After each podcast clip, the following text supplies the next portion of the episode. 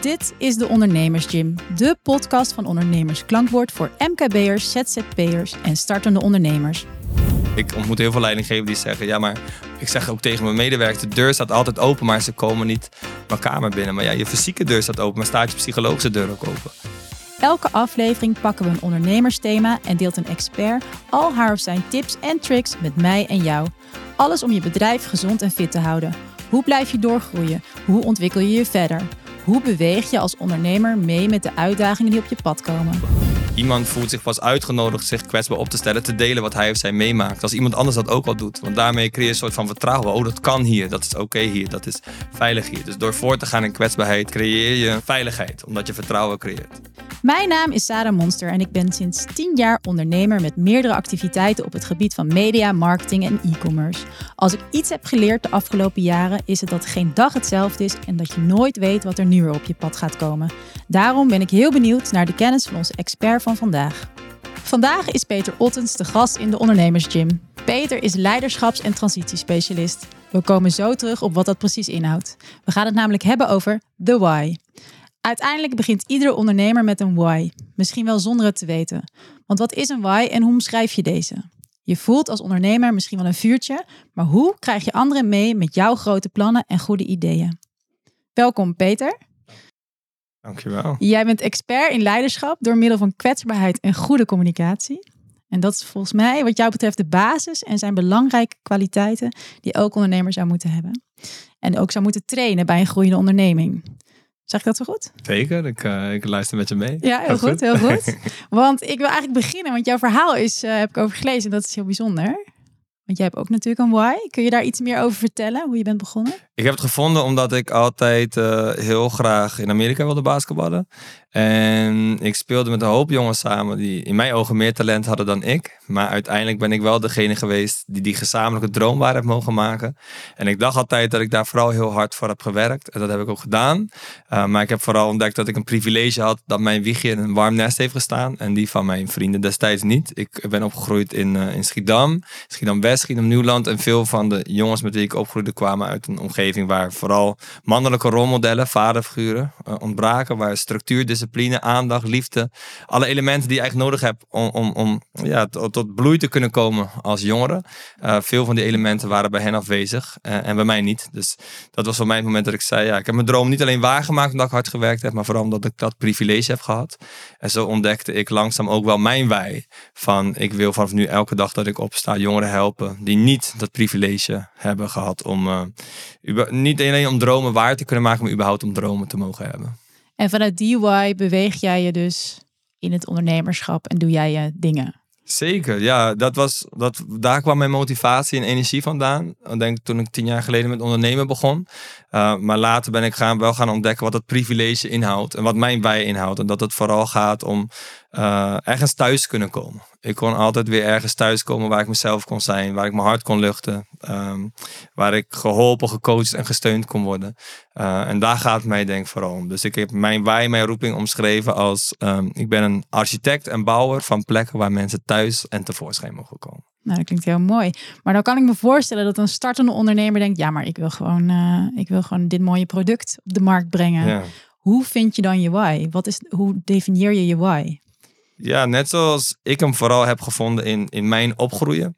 Uh, in, in levenservaringen die heel erg vormen. De goede, maar vooral vaak ook juist de wat minder goede ervaringen. De soms heftigere ervaringen. Daar liggen soms heel veel levenslessen in die je vormen naar wat jouw roeping wordt in het leven, denk ik. Wat jouw wij wordt in het leven. Dus soms zijn we bezig met modellen en zijn ondernemers aan de slag met naar voren kijken van wat wil ik doen. Maar soms heb je juist achteruit te kijken naar waar kom ik vandaan om te ontdekken wat je wij is. En ja, je kan ook een product in de markt brengen. Dat, en wie weet wordt het succesvol. Maar als je echt wil gaan ontdekken wat jou gaat onderscheiden als organisatie, wat jou ook gaat helpen uh, door te zetten en succesvol te blijven ook in tijden van crisis, dan is het denk ik veel belangrijker dat je weet waarom doe ik dit. Dus eigenlijk is de why wat jou betreft je roeping. Dus helemaal naar de kern van wie je bent en vanuit daar bewegen. Zeker. En kan je dat, is het dan slim om dat bijvoorbeeld te formuleren in één kernzin? Of heb jij dat op papier gezet zelf? Ik heb het wel op papier gezet. En daarvoor heb ik ook uh, ook goede coaches om me heen gehad. Dus wij bij Jets krijgen heel veel scholing en coaching van de school voor transitie. En die hebben ons ook geholpen om nog meer naar onze eigen levenslijn te kijken. Van waar komen we vandaan? Wat hebben we meegemaakt? En welke ervaringen in ons leven hebben ons gevormd tot op identiteitsniveau. En daarin een zin te formuleren van wie ben ik? Uh, wat doe ik? Maar vooral wat wil ik daarmee bereiken? Ja, dus wel ook een doel aan hangen eigenlijk. Aan die roeping. Ja, ik wil niet eens zeggen een, een, doel, want dan heeft het voor mij gevoel ook een soort van einde ergens of zo. Het is meer de, uh, de impact die je wil maken en die je daarmee ook blijvend kan maken. En hoe jij naar de why kijkt, naar je roeping, in hoeverre moet je je daarvoor uh, kwetsbaar opstellen? Uh, ik denk dat je daarvoor heel erg kwetsbaar voor op te stellen hebt. Uh, want kwetsbaar opstellen betekent toch wel tevoorschijn komen. En als jij naar je eigen levenslijn wil kijken, naar de ervaringen die je hebt gehad. En als je daarin wilt ontdekken, ook in de pijnlijke momenten, dan zou je die ook moeten aankijken. En dat betekent dat je kwetsbaar op te stellen hebt om daarin te leren van ja, die dingen die zijn gebeurd, hoe hebben die betekenis op, um, op wie ik ben geworden, maar vooral ook hoe ik me gedraag en hoe ik me verhoud tot andere mensen. Het zijn vaak ook, het is ook vaak je wij die Ehm, waarin je goed bent, wat je kan geven.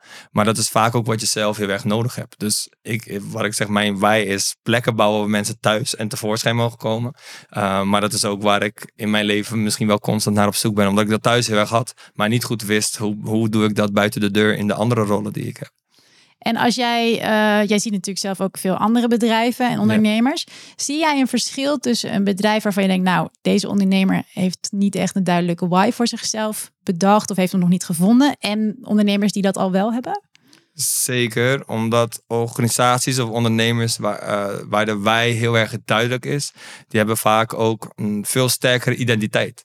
En daar, de mensen die daar willen werken uiteindelijk, die werken daar ook voor die identiteit. Die kunnen zich identificeren met de organisatie. Die weten waar staat de organisatie voor. Dus die komen daar niet enkel om te werken en hun geld te verdienen of voor de gezelligheid. Maar die komen daar omdat ze toch een stukje van hun belanging kunnen vinden.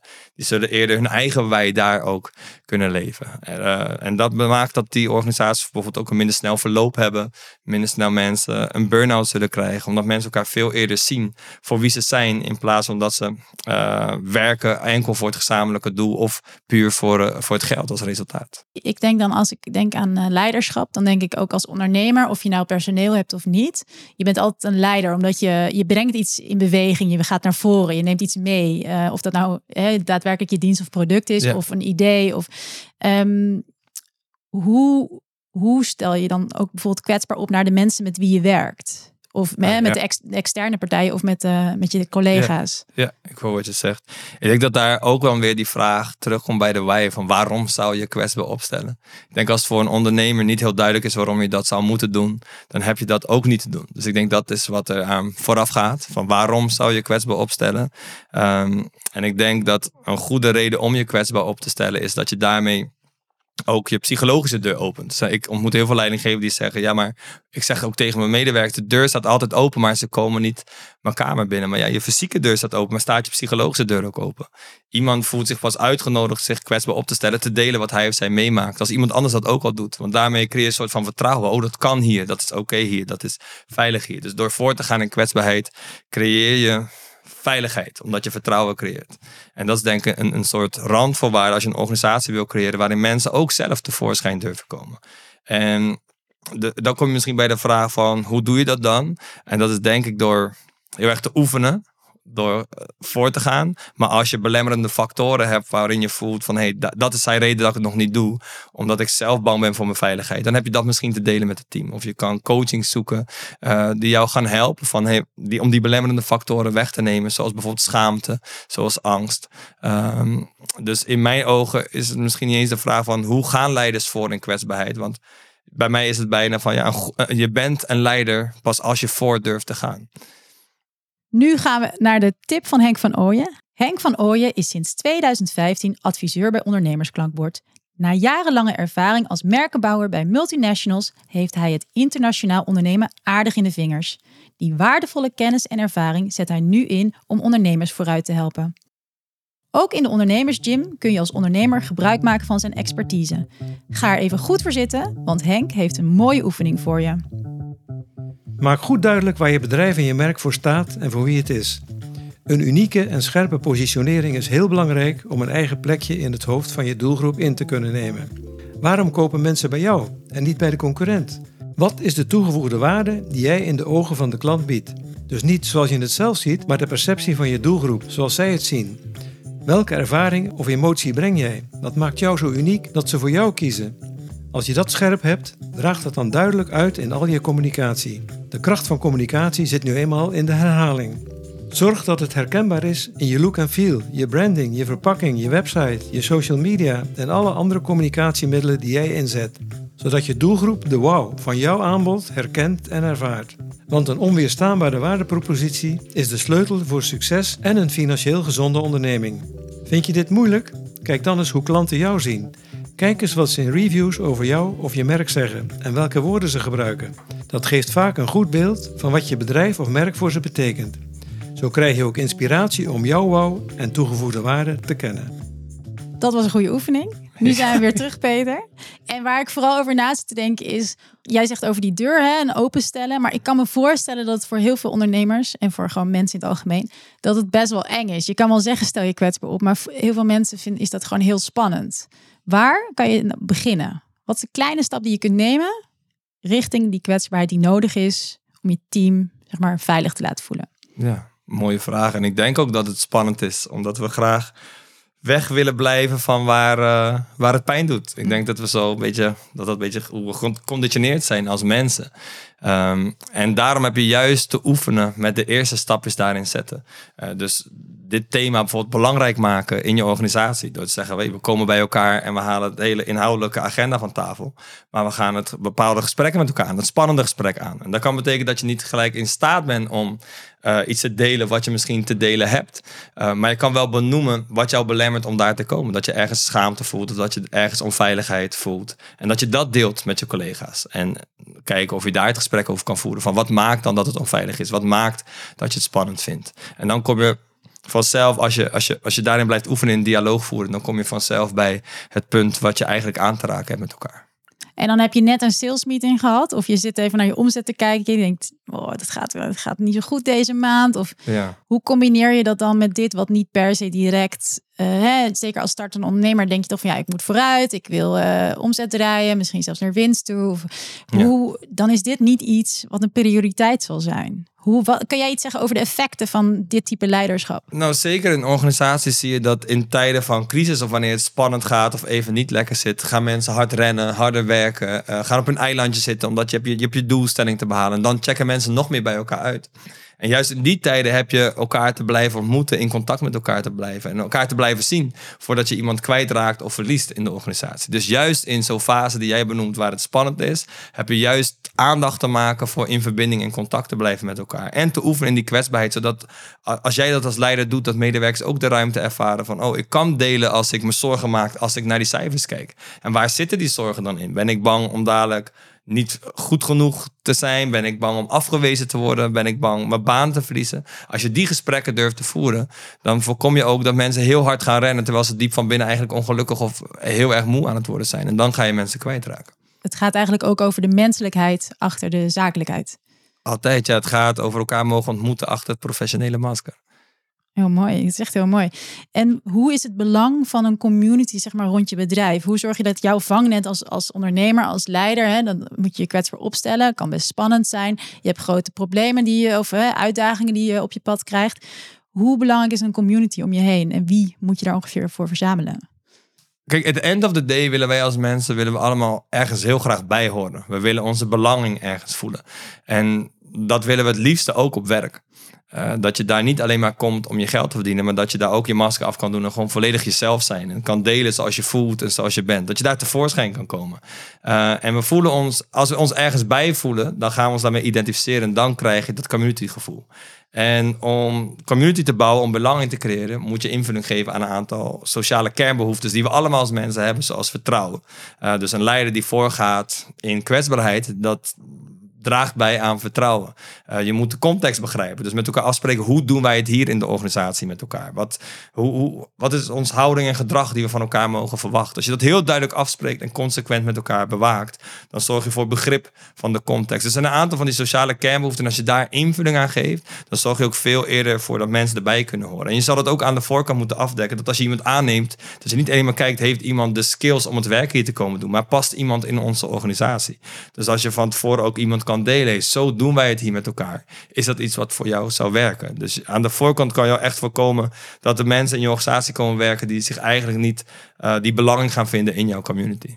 Ja, want jij hebt het over kwetsbaarheid opstellen. Het klinkt allemaal heel vrij en uh, zacht. En, uh, maar ondertussen ben jij wel voorstander van een vrij strakke en duidelijke um, structuur binnen het bedrijf. Zeker, ja. Omdat heel uh, hele duidelijke afspraken van hoe doen we het hier met elkaar.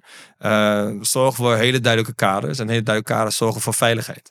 En kun je een paar voorbeelden noemen van zo doen we het hier met elkaar? Wat, wat kan dat zijn? Eh, nou, wij in onze stichting, wij werken met jongeren die uit een kwetsbare omgeving komen. Dus wij gaan daar vrij ver in. Dus bij ons, uh, wij als collega's zeggen u tegen elkaar. We praten met twee woorden. Ja coach, nee coach. Dus we gaan daar heel erg ver in. Omdat het ook heel veel duidelijkheid schept voor de jongeren. En voor ons, wij niet een knop hoeven om te draaien. Oh, nu uh, met elkaar werken moeten we het anders doen dan met de jongeren. Dus als je bij ons binnenkomt, zo gaan we met elkaar om. Zorgt het ook dat iedereen daardoor eigenlijk gelijk is? Of zorgt het juist voor een hiërarchie? Haalt wat, nee, het haalt wel wat hiërarchie weg. Zeker. Uh, en het zit in kleine dingen als als je binnenkomt voordat je gaat werken, moet je iedereen groeten en hand geven en in de ogen aankijken. Uh, en als, als iemand je niet in de ogen aankijkt, dan zeg je daar ook wat van, omdat iemand hanteert niet naar de afspraken die we met elkaar hebben gemaakt. En als we met organisaties werken, komen ze ook bij ons op bezoek um, om, te ervaren hoe wij het doen. En soms schrikken ze ervan, want als je bij ons afspraken niet nakomt, moet je opdrukken. En dan heb je altijd het grapje, oh, dat gaan we bij ons niet doen. En dat is ook logisch, want dat past niet bij jullie als organisatie om op te drukken. Maar je hebt wel met elkaar af te spreken, wat is nou een consequentie? Als we met elkaar afspreken, je moet op tijd komen in het overleg, maar iedere week komt er weer iemand te laat en wat laat het gaan. Dat zorgt dat voor onveiligheid. Want in die organisatie zitten mensen, ja, maar ik kom altijd op tijd. Ik sta vroeg op. Ik moet mijn kinderen vroeg naar de opvang brengen. Ik doe dat wel. Maar omdat mensen dat niet uitspreken, ontstaat er een soort van frictie in je team. Uh, en voor je het weet groeien mensen uit elkaar. En als je niet met elkaar afspreekt hoe je het met elkaar doet, gaan mensen het zelf interpreteren. En dan krijg je heel veel strijd met elkaar die niet kan worden opgelost, omdat je hebt niet een soort van gezamenlijke waarheid van dit is hoe we het met elkaar doen. Dus juist hele duidelijke kaders zorgen ook voor heel veel veiligheid. En dat geeft de ruimte om je kwetsbaar te durven opstellen. Ik denk dat heel veel ondernemers ondernemers zijn geworden, ook deels voor de vrijheid. Ja. En ik denk dat nu is het uh, om als werknemer is ook vrijheid best wel belangrijk. Hè? Waar ga je werken? Dat wordt steeds flexibeler. Ja. Stel, ik ben een ondernemer en ik heb één teamlid of twee. Ga ik dit dan ook doen? Juist, ja. Want uh, wij werken veel met grote organisaties. Uh, en daar is zo'n traject om, om eigenlijk te gaan afstemmen wat is onze identiteit of wat is onze cultuur, is veel moeilijker dan als je het vanaf het begin doet. Want dan heb je gedrag letterlijk te veranderen. Een gedragsverandering kost tijd. Maar toen ik begon, wij zijn eh, met z'n drieën eigenlijk begonnen. Toen deden we het al op deze manier. Waardoor als nummer vier erbij komt, nummer vijf, nummer zes, nummer zeven erbij komt, dan hoeft hij eigenlijk niet, hoef je die persoon niet te vertellen hoe je het doet. Maar die, die gaat ervaren hoe je het doet. En dat is precies het werk wat wij ook met onze jongeren doen in onze stichting. Wij gaan je niet vertellen hoe je moet gedragen, maar we nodigen je uit om bij ons te komen. Daarmee word je ook uitgenodigd tot gedragsverandering. Dus eigenlijk zijn zowel het um, diep van binnen voelen van je why, waarom je dingen doet, je purpose eigenlijk vinden. En die uh, strakke structuur, of eigenlijk de duidelijke structuur die je met je collega's afspreekt en waar je je ook met elkaar houdt. Dat voelt voor mij als allebei lange termijn. 100 procent. Maar ik denk ook als jij nu iets begint, of je nou uh, ondernemer bent in je eentje, of dat je in een, in een team, als je al een team hebt. Ik hoop als je vanuit je wij werkt, dat je ook heel graag wil dat je organisatie, dat jouw merk, uh, jouw brand, dat die jou gaat, uh, dat die ouder als jij wordt. En dan heb je ook iets duurzaams neer te zetten met elkaar. Dat dat belangrijk is. En je moet dus wel zorgen ook dat het bij je past. Zeker. Ik kan me voorstellen dat iemand die nu uh, luistert, die heeft dan twee collega's. Ja. En dan moet je wel bedenken van hoe ga ik dit aanpakken? Ga je met, met z'n drieën om tafel? Ga je bedenken hoe, wat, vinden we, hè, wat vinden wij belangrijk? Hoe ga je ermee om? En dan Zeker. uiteindelijk beslis jij wat je gaat doen? Ja, dat zijn een soort van je core values. Van, als, als, en dat, daarom is, is het mooi dat dit gesprek ook begint bij je wij. Want als je je wij scherp hebt, kan je die ook doorvertalen naar gedrag met elkaar. Van oké, als wij onze wij willen leven, wat hebben wij dan te doen? Hoe verhouden wij ons tot elkaar? Dat is natuurlijk heel anders voor een stichting die met kwetsbare jongeren werkt, als dat je een, nachtclub gaat beginnen. Het vraagt om heel ander gedrag, maar nog steeds moet je, eh, om tot vertrouwen te komen, weten wanneer kan ik op jou bouwen in welke situaties. Hoe, hoe gaan we met elkaar om? Wanneer kan ik bij jou terecht? Of um, wanneer check ik bij jou in? Dat zijn gewoon belangrijke vragen. En als je die aan de voorkant heel scherp hebt, dan zorgt dat voor enorm veel veiligheid. Al is het in een samenwerking met z'n tweeën. Dat iemand ook weet van oké, op dat moment kan ik een dialoog met hem daarover voeren wanneer het spannend is. Want we hadden dit afgesproken en het ging nu zo. Dus dat, dat schept gewoon voor mij een soort van kernvoorwaarde tot succes. Mooi. Nou heb ik nog één laatste vraag. Want je bent natuurlijk zelf ook ondernemer. En dan heb je ook denk ik een uitdaging die je op je pad krijgt. Kun je daar een voorbeeld van geven waar je nu mee bezig bent? Ik neem aan dat ook bij jou dingen met hobbels gaan. Ja, zeker. Wij zitten nu in een fase. Onze organisatie heeft twee, 25 mensen. Dus we gaan nu wel naar. Uh, nou, de uitdaging is daarin nog steeds ook met groei om die cultuur te blijven bewaken. Om ervoor te zorgen dat iedereen die bij ons komt werken. Uh, nog steeds Jets mag ervaren en voelen zoals wij dat hebben ervaren toen we met z'n drieën begonnen. Ehm, dat mensen die belanging bij ons mogen vinden. En dat mensen daardoor ook de veiligheid voelen om te blijven delen. Dus hoe blijf je met elkaar ingecheckt? Hoe blijf je in verbinding met elkaar, ondanks dat de organisatie zo groeiende is? En dat maakt dat wij dat belangrijk maken. Heel veel organisaties komen naar ons toe en die, die zeggen: Ja, weet je, we raken uit contact. We hebben een eilandjescultuur. Maar als je dan vraagt, maar hoe vaak check je met elkaar in? Hoe belangrijk maak je dan cultuur? Als je die eilandjescultuur niet wil, dan zeg je: Ja, maar we hebben het heel druk en dit en dat. Maar dan heb je het belangrijk te maken. Dus wij maken het belangrijk. Dat betekent dat we eigenlijk de prijzen voor betalen. Dus wij zijn een organisatie die slechter soms reageert op de mail, wat minder goed de telefoon opneemt. Uh, omdat wij daar minder aandacht aan besteden. Dus als je zegt van wij vinden dit belangrijk, dan heb je er gewoon simpelweg tijd voor te maken. En dan komen we nog even terug bij de why. Ja. En dan vraag ik nog één ding af, namelijk verandert die wel eens of blijft dat altijd hetzelfde? Mooi, ik denk dat je wij kan evalueren. Dus dat je hem scherper krijgt, dat je hem specifieker krijgt. Dus voor mij ging het eerst om, ik wil jongeren iets geven die niet het privilege hebben gehad dan ik. Maar later ben ik pas woorden gaan geven aan dat gevoel. Wat is dat privilege dan? Dat is niet dat ik twee ouders had, dat is dat ik een plek had waar ik thuis kon komen. Um, dus ik denk dat je why in de kern hetzelfde blijft, maar dat hij wel kan evalueren en scherper worden. Uh, waardoor je hem beter kan definiëren en je nog beter weet wat je te doen hebt in je organisatie. Duidelijk, mooi. Dus als ik luister, ik ben een startende ondernemer, MKB'er, ZZP'er.